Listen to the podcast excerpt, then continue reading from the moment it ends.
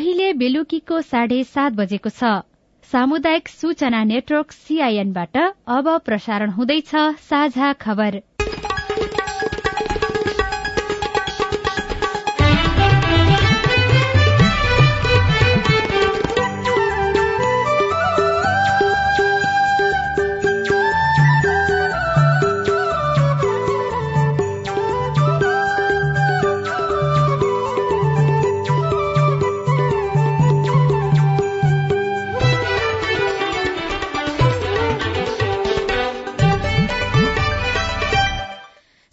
सीआईएनको साझा खबरबाट सोभिता रिसालको नमस्कार। साझा खबर देशभरिका सामुदायिक रेडियो सीआईएन खबर डट कम र मोबाइल एप सीआईएनमा पनि सुन्न सकिन्छ।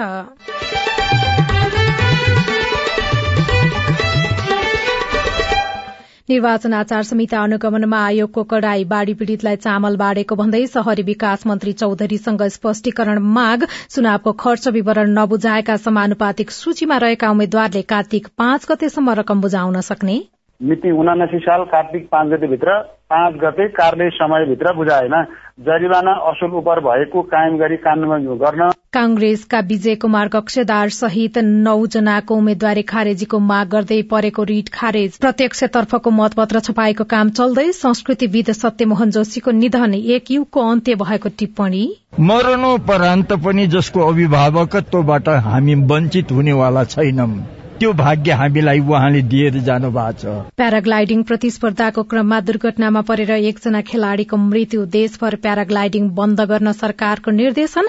डेंगी संक्रमण गाउँमा भन्दा शहरमा धेरै सरसफाई र सचेतना दुवैको कमी। सहर बन्दै गरेका ठाउँहरू। जहाँ चाहिँ के हुन्छ भने कन्स्ट्रक्सनले गर्दाखेरि यो निर्माणले गर्दाखेरि ठाउँ ठाउँमा पानीहरू जम्ने मान्छेको बसाइहरू चाहिँ राम्रो नहुने पक्की गर्नहरू राम्रो तरिकाले नहुने। र राष्ट्रिय खेलकुदमा एक सय सन्ताउन्न पदकको छिनफानो नेपाली सेना पहिलो र सशस्त्र प्रहरी दोस्रो स्थानमा।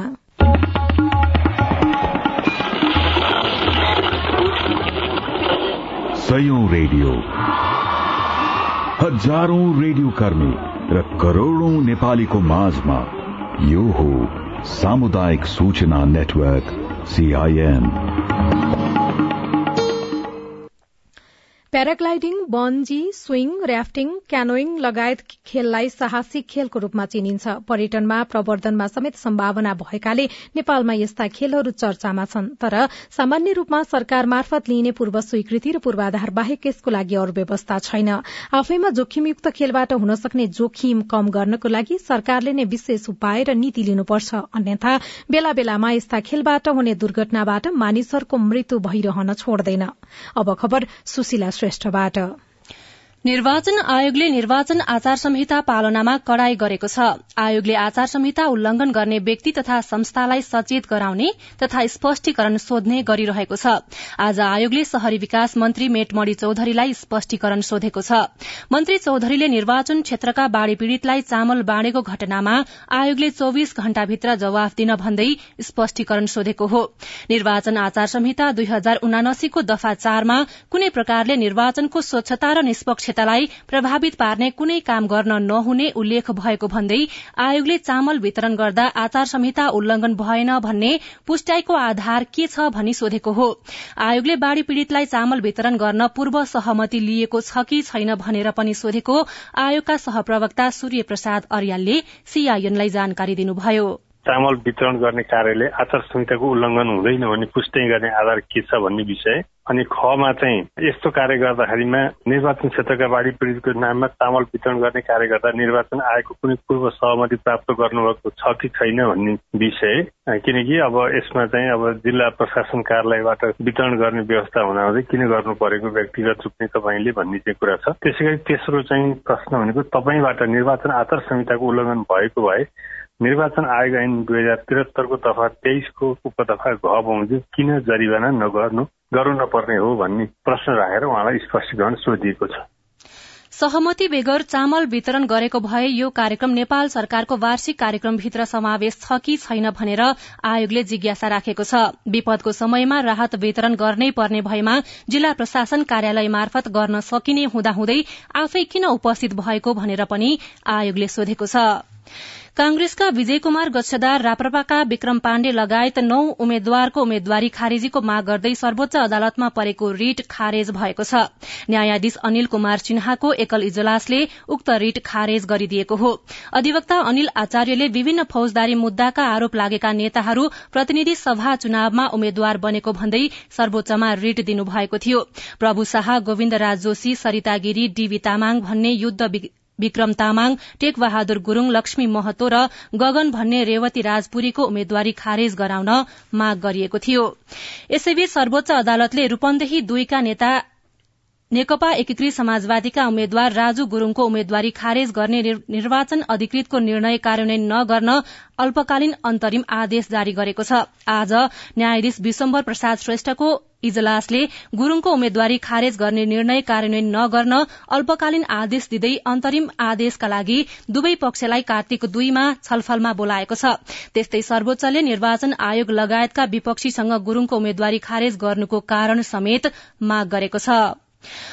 मंगिर चार गते हुने प्रतिनिधि सभा सदस्य र प्रदेशसभा सदस्य निर्वाचनका लागि पहिलो हुने निर्वाचित हुने प्रणालीतर्फको मतपत्र छपाईको काम भइरहेको छ। यस क्रममा आजसम्म चौवालिस लाख एक्काइस हजार मतपत्रको छपाई सकिएको आयोगले जनाएको छ। छपाई भएका मध्ये प्रदेश सभा सदस्य निर्वाचनका लागि एक्काइस लाख अडतीस हजार र प्रतिनिधि सभा सदस्य निर्वाचनका लागि बाइस लाख छप्पन्न हजार मतपत्र रहेका छन्। समानुपातिक निर्वाचन प्रणालीतर्फको मतपत्रको छपाई भने यस अघि नै सकिएको छ। निर्वाचन आयोगले आगामी मंगिर चार गते हुने निर्वाचनमा प्रदेश अनुसार समानुपातिक मतपत्रको वास्तविक नमूना सार्वजनिक गरेको छ। सो नमूना मतपत्र निर्वाचन आयोगको वेबसाइटमा हेर्न सकिने आयोगले जनाएको छ। यसैबीच निर्वाचन आयोगले स्थानीय तहमा निर्वाचन लडेका तर निर्वाचन खर्चको लेखाजोखा नबुझाएका पनि प्रतिनिधि सभा र प्रदेश सभा सदस्य निर्वाचनमा समानुपातिक तर्फको बन्द सूचीमा परेकाहरूलाई कार्तिक पाँच गतेसम्म जरिवाना बुझाउने समय दिएको छ। आयोगले कार्तिक पाँच गते कार्यालय समयभित्र जरिवाना सहितको खर्च विवरण रकम बुझाएको खण्डमा भने समानुपातिक तर्फको उम्मेद्वारी कायमै रहने निर्णय गरेको सहप्रवक्ता गुरू वाग्ले सीआईएनलाई जानकारी दिनुभयो। गते कार्यालय समयभित्र बुझाएन।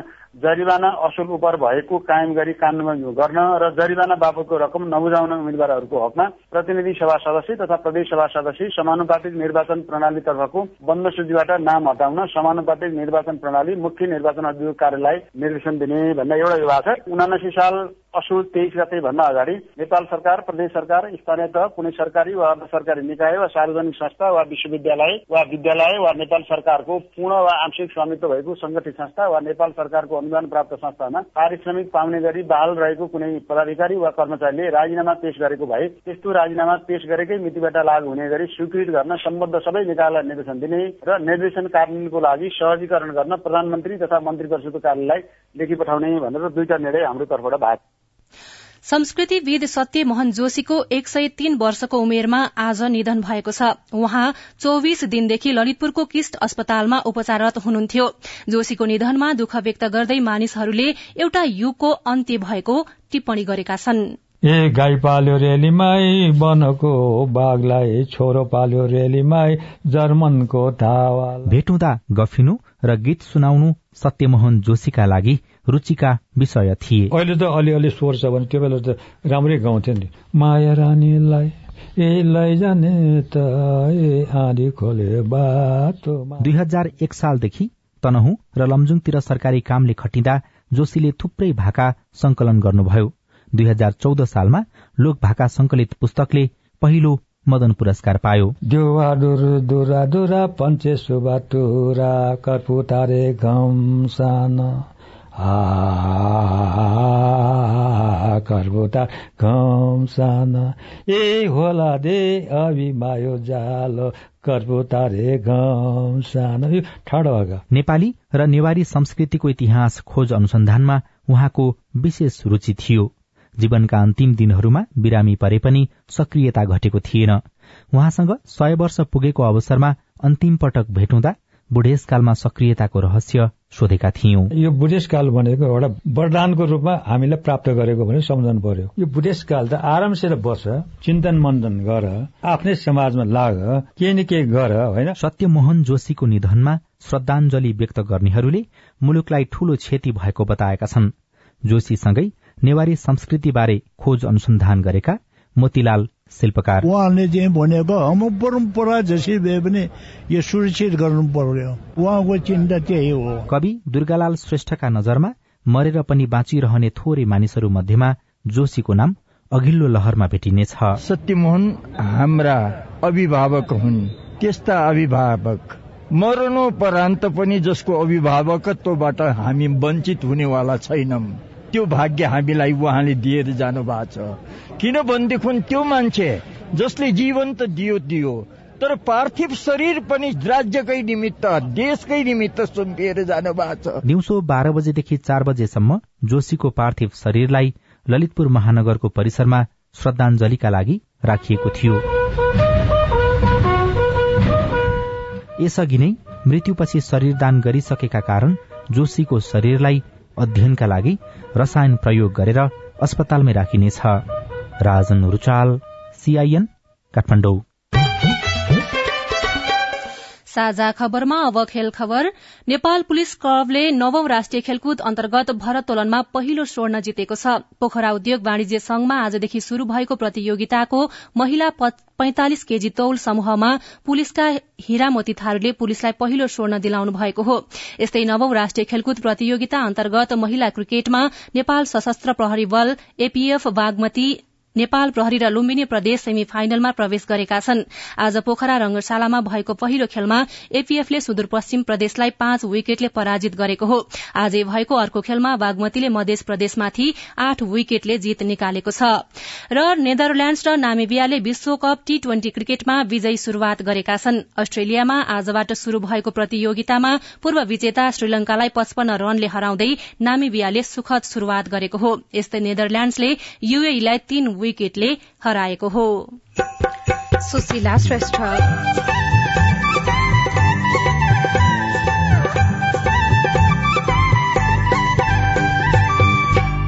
क्रिकेट खेलप्रति युवाहरूको आकर्षण बढ्दै तर खेल पूर्वाधारको अभाव। स्थानीय सरकारले अलि सहयोग गरेर ठूलो मैदान बनाइदिएको भए हामी जिल्ला स्तर र राष्ट्रिय स्तरसम्म पनि पुगे हामी जमर्को गर्नेछौँ। सीमित स्रोत साधनमा पनि खेल्दै खेलाड़ीहरू रिपोर्ट। राष्ट्रिय खेलकुद प्रतियोगितामा विभागीय बाहेकका टोलीले किन राम्रो प्रदर्शन गर्न सकिरहेका छैनन्? खेल विशेष सामग्री बाँकी नै छन्। सीआईएनको साझा खबर सुन्दै गर्नुहोला।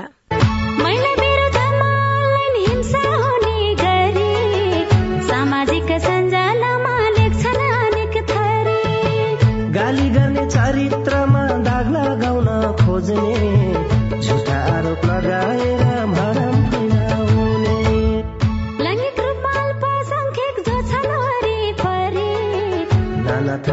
हिंसा गर्छन् होच्याउने गरी। नजिस्काउनु शरीर र यौनिकतालाई हेरी।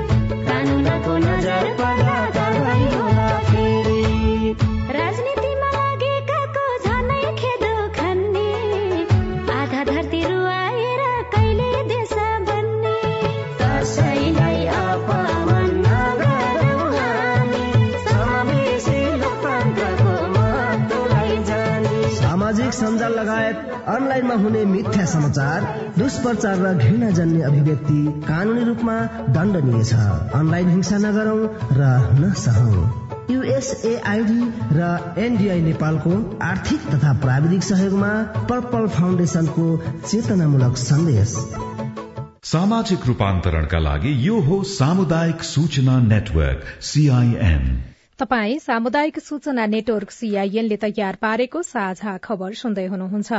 नेपाली कांग्रेसले प्रतिनिधि र प्रदेशसभा निर्वाचन परिचालनका लागि केन्द्रबाट एक सय दस सदस्यीय केन्द्रीय परिचालन समिति गठन गरेको छ। सभापति शेरबहादुर देवालले आज गोपालमान श्रेष्ठको संयोजकत्वमा केन्द्रीय परिचालन समिति गठन गर्नुभएको हो।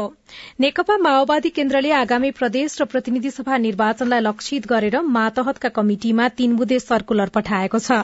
पार्टीका प्रदेश र जिल्ला समितिका इन्चार्ज अध्यक्ष एवं संयोजकलाई सम्बोधन गरेर अध्यक्ष प्रचण्डले पठाएको सर्कुलरमा नेपाल कम्युनिष्ट पार्टी माओवादी केन्द्र र नेपाल समाजवादी पार्टी दुवै एउटै चिन्ह रहेको स्मरण गराउँदै सबै प्रदेश र जिल्लाहरूले आपसी सहकार्यलाई प्रभावकारी बनाउन निर्देशन दिनुभएको छ।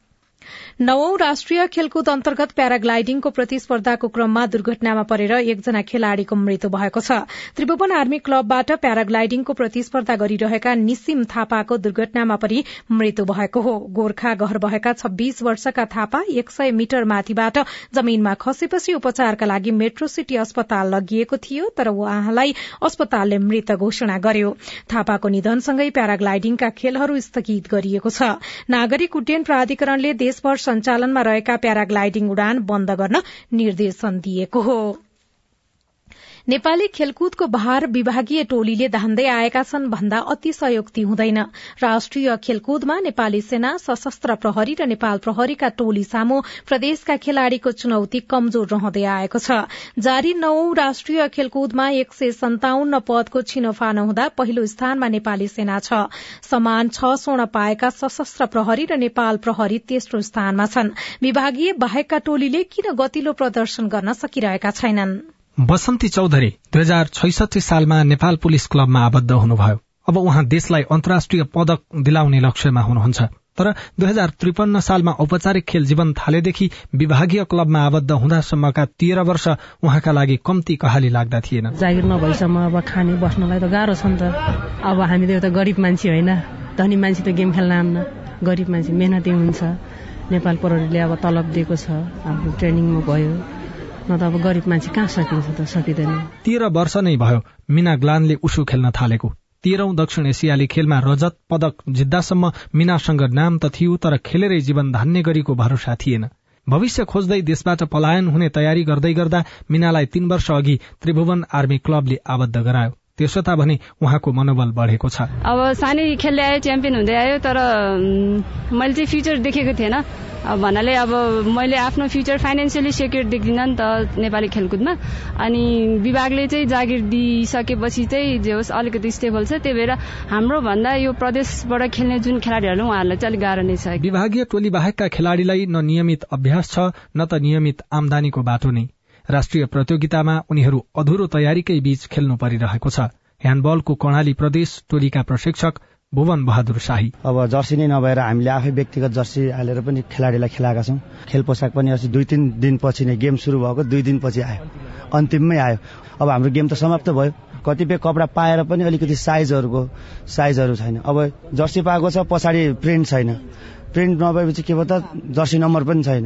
त्यसले गर्दाखेरि तपाईँको के अरे मार्करले लेखेर खेल्ने अवस्था छ। विभाग बाहिर पनि राम्रा खेलाडी आउँछन् तर उनीहरू त्यहाँ टिकिरहन भने सक्दैनन्। नेपाल एथलेटिक्स संघका महासचिव धनवीर चौधरी विभाग बाहिर पनि उत्कृष्ट खेलाड़ी रहेको तर राज्यले उनीहरूको प्रोत्साहनमा चासो नदिएको बताउनुहुन्छ। खेलाडी भनेको देशको गहना हो। राज्यले भनेको त हरेक खेलाडीहरू अब अन्तर्राष्ट्रियमा गएर चाहिँ के अरे आफ्नो देशको झण्डा फहराउनु भनेर चाहन्छन्।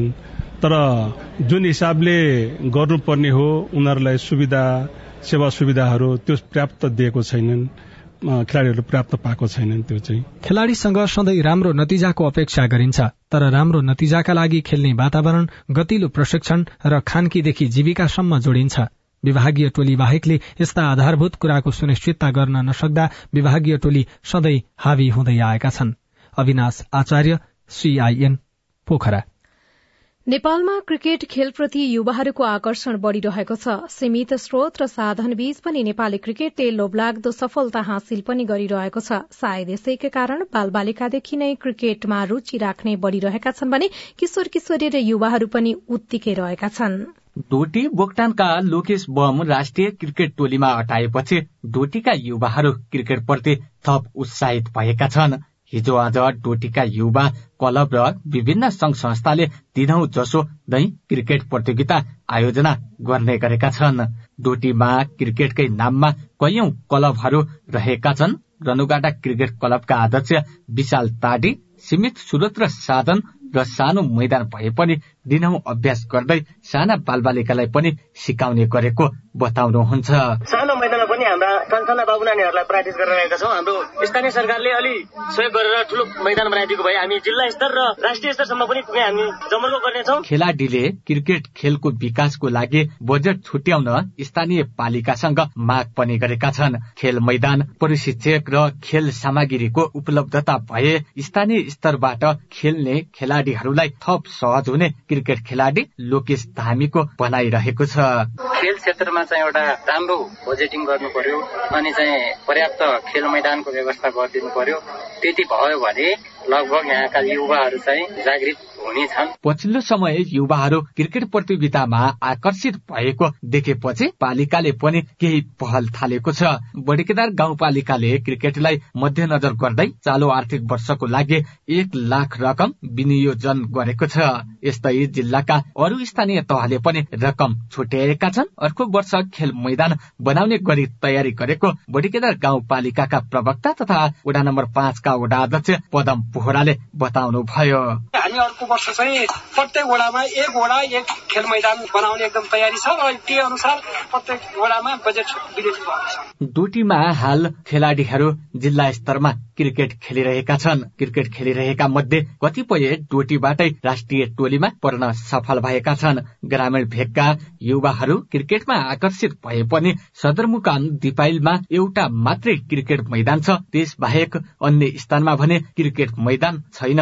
एकेन्द्र चन्द सिआइएन रेडियो बडिकेदार डोटी तपाई सामुदायिक सूचना नेटवर्क सीआईएनले काठमाण्डुमा तयार पारेको साझा खबर सुन्दै हुनुहुन्छ। साझा खबर मोबाइल एप नेपाली पात्रोबाट पनि सुनिरहनु भएको छ। शहरमा डेंगी संक्रमण किन फैलियो?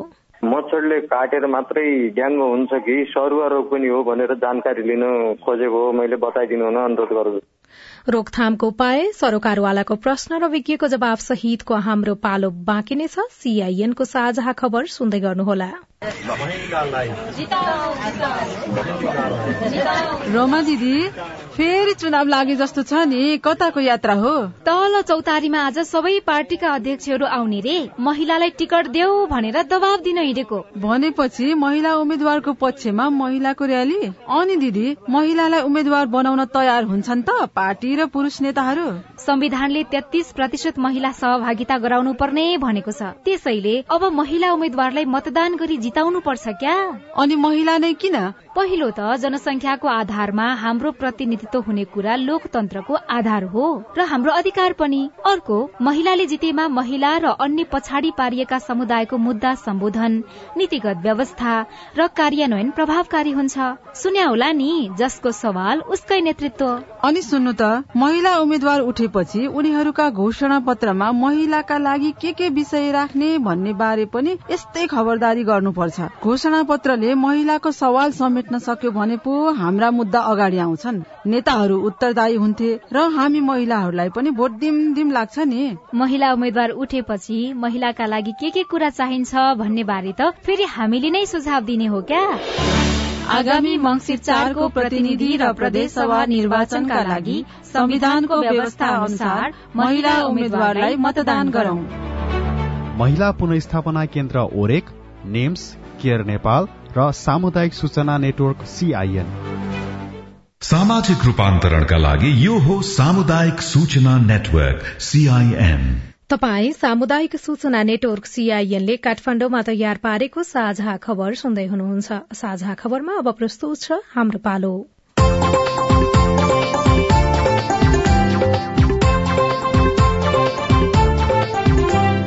नमस्कार म सुशीला। कार्यक्रम हाम्रो पालोमा हामी कोविड लगायत अन्य विपत्तिमा बाल सुरक्षा बाल अधिकार लगायत किशोर किशोरी र युवाहरूको सवाल लिँदै त्यसको उत्तर खोज्ने प्रयत्न गर्नेछौं।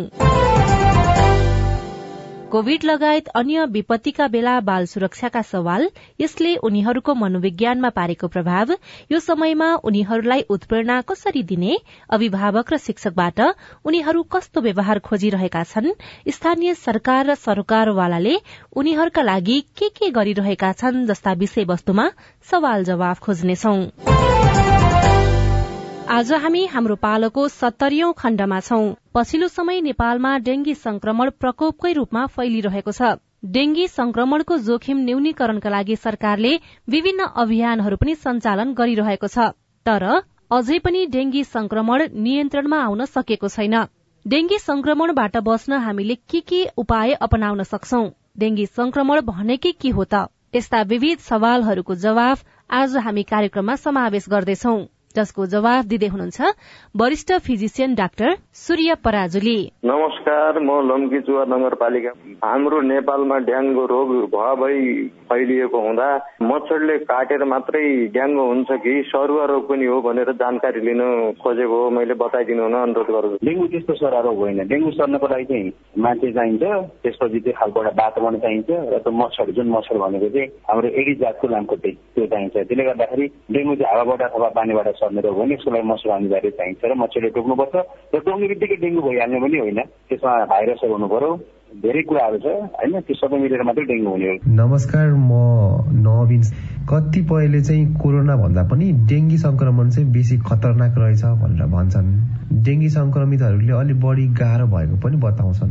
के यस्तै हो त? यस्तो छ अब यो डेङ्गी संक्रमण र कोभिड केमा गाह्रो भन्ने कुरा कि हामी मेडिकल साइन्सको हिसाबले चाहिँ कम्पेयर गर्न चाहिँ अलिकति फरक तरिकाले कम्पेयर गर्ने हुन्छौँ होइन? अब कोभिड नयाँ महामारी हो हामीलाई कोभिड बारेमा धेरै जानकारी नभएको र कोभिड एकदमै धेरै मान्छेबाट मान्छेमा सर्ने होइन? सहजै सर्ने भिडभाडबाट सर्ने जुन चाहिँ हामीले रोक्न सक्दैनौँ मान्छेको बसाइसराहरूलाई रोक्न सक्दैनौँ त्यसले गर्दा त्यो हिसाबले चाहिँ कोभिड अलिकति अब डेन्जर भन्ने बुझ्नुपर्ने हुन्छ। ठ्याक्कै कम्पेयर गर्न चाहिँ मिल्दैन। अब डेङ्गु चाहिँ कस्तो छ भने यो चाहिँ एकदमै इम्पोर्टेन्ट कुरा उहाँले सोध्नुहुन्छ डेङ्गु चाहिँ एकचोटि मान्छेको शरीरमा डेङ्गु भाइरस छिरेपछि चाहिँ त्यो बेला उसलाई ज्वरो पनि नआउन सक्छ क्या। डेङ्गु चाहिँ हुन्छ टेस्ट गर्दा पोजिटिभ आउँछ तर ज्वरो पनि नआइकन चाहिँ पोजिटिभ आइरहेको हुन सक्छ है। तर अब त्यो मान्छेलाई फेरि अर्कोचोटि चाहिँ डेङ्गु भयो अथवा त्यो भाइरस शरीरमा छिरो तर अर्कै प्रजातिको भाइरस छिरो डेङ्गुमा पनि धेरै प्रजाति हुन्छन्। अर्को प्रजातिको भाइरस छिरो भने चाहिँ धेरै रगत जाने समस्याहरू कडा हुने क्या डेङ्गु हेमरेजिक फिभरहरू भने अर्ग्यानहरू फेलर हुने घातक खालको समस्याहरू गर्ने र मान्छेको मृत्युदर बढाउँछ। त्यही भएर यो कुरा चाहिँ बुझ्न जरुरी छ। नमस्ते म निकेश हेटौँडाबाट के यो डेङ्गु लागेको बेलामा मेवाको पात पकाएर खाए निको हुन्छ साँच्चै हो त? हेटौँडाको मित्रले जुन प्रश्न राख्नु भएको छ मेवाको पात पकाएर खाने जुन कोभिडमा पनि विभिन्न गुर्जो सुर्जो कुरा गरिरहेको थियो त्यो वैज्ञानिकमा प्रमाणित छैन। के र हामीले जुन तरिकाले गाउँघरमा खाने गर्छौँ त्यसको त्यति वैज्ञानिक कुराहरू पनि छैनन्। त्यही भएर अब यसको विभिन्न खालका कुराहरू चाहिँ सञ्चार माध्यमहरूमा आउँछन्। र म चाहिँ के भन्छु भने मेवाको पात खाएर डेङ्गु निको हुने होइन। त्यसले गर्दाखेरि त्यतातिर नजानु नै बेटर हुन्छ र सबैभन्दा राम्रो चाहिँ दक्ष स्वास्थ्य कर्मीलाई भेटेर उहाँको परामर्शमा अगाडि जानु पर्यो। र सही सूचनाहरू स्वास्थ्य विश्व सङ्गठन नेपालको स्वास्थ्य मन्त्रालयले भनेका सही सूचनाहरूलाई चाहिँ फलो गर्नु पर्यो। नकि अब यो सामाजिक सञ्जालमा विशेषज्ञहरू हुनुहुन्छ गुगल डाक्टरहरू हुनुहुन्छ त्यस्तोलाई फलो गरेर अगाडि बढ्न हुँदैन। नमस्कार उदयपुर जिल्लाबाट। अहिले डेङ्गी संक्रमण सहरतिर बढी फैलिरहेको छ।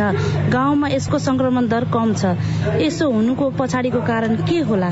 उदयपुरका मित्रको प्रश्नको आन्सर एकदम सहज के हो भने डेफिनेटली गाउँमा भन्दा सहरमा चाहिँ डेङ्गी संक्रमण बढिरहेको अवस्था देख्नु भएको छ त हुन्छ पनि। त्यसले हामी पेरि अर्बन डिजिज भन्छौँ। यो कस्तो भने सहर बन्दै गरेका ठाउँहरू हुन्। र जहाँ चाहिँ के हुन्छ भने कन्स्ट्रक्सनले गर्दाखेरि यो निर्माणले गर्दाखेरि ठाउँ ठाउँमा पानीहरू जम्ने मान्छेको बसाइहरू चाहिँ राम्रो नहुने पक्की घरहरू राम्रो तरिकाले नहुने र त्यहाँ चाहिँ भनौँ न यो पानी कलेक्सन हुने क्या सफा पानी कलेक्सन हुने ठाउँहरू प्रशस्त भेटिन्छन् यस्तो कम्युनिटीमा त्यसले गर्दा बढी हुन्छ र अर्को चाहिँ के हुन्छ भने सहरी एरियातिर चाहिँ धेरै कन्क्रिट हुन्छ भनेको पक्का बनाइएको हुन्छ क्या पक्का बनाएपछि हाम्रो बर्खामा परेका पानीहरू सोच्दैन जमिले गाउँतिर चाहिँ त्यस्तो हुँदैन पानीहरू जमिले सोचेर जान्छ र पानी नै। कलेक्सन हुँदैन अनि सहरतिर चाहिँ के हुन्छ भने पक्का धेरै भएको हुनाले पानी पनि सोच्दैन र पानीहरू जम्ने हुन्छ अर्को कुरा पानीको सर्टेजहरू पनि भइरहेको हुन्छ सहरतिर जसले गर्दा मान्छेले अब बाथरुमहरूमा भनौँ न अथवा माथि ट्याङ्कीहरूमा चाहिँ पानीहरू राख्ने। अनि सहरतिर अलिक बढी यो बढी कुलरहरू प्रयोग गर्ने फ्रिजहरू प्रयोग गर्ने चलन पनि छ। जसले गर्दाखेरि चाहिँ भित्रतिर चाहिँ जुन पानी जम्ने ठाउँहरू हुन्छ कुलरमा। त्यसमा पनि डेङ्गुको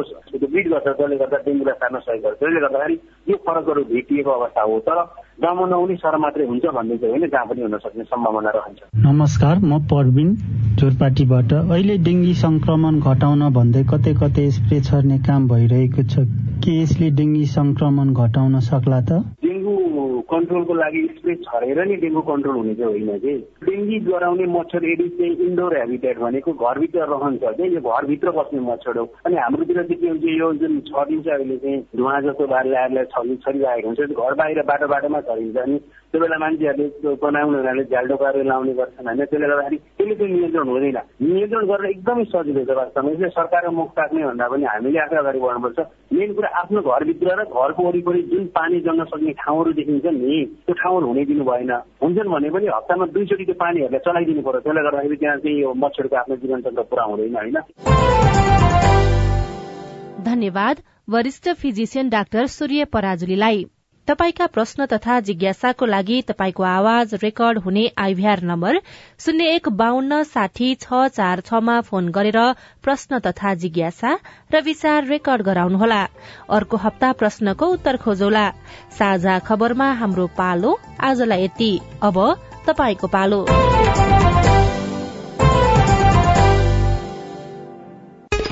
निर्वाचन आचार संहिता अनुगमनमा निर्वाचन आयोगले कड़ाई गरेको छ। बाढ़ी पीड़ितलाई चामल बाँडेको भन्दै शहरी विकास मन्त्री चौधरीसँग स्पष्टीकरण माग गरिएको छ। चुनावको खर्च विवरण नबुझाएका समानुपातिक सूचीमा परेका उम्मेद्वारले कार्तिक पाँच गतेसम्म रकम बुझाउन सक्ने भएका छन् र कांग्रेसका विजय कुमार गक्षदार सहित नौजनाको उम्मेद्वारी खारेजीको माग गर्दै परेको रिट खारेज भएको छ। अनि समानुपातिक अनि प्रत्यक्षतर्फको मतपत्र छपाएको काम चल्दैछ। सत्य मोहन जोशीको निधन हुनुले एक युगको अन्त्य भएको टिप्पणी सरकारवालाले गरेका छन्। आजलाई साझा खबरको समय सकियो। प्राविधिक साथी सुरेन्द्र सिंहलाई धन्यवाद। भोलि असोज एकतीस गते बिहान छ बजेको साझा खबरमा फेरि भेटौँला। अहिलेलाई सोभितारी साल पनि विदा हुन्छु। नमस्कार शुभरात्री।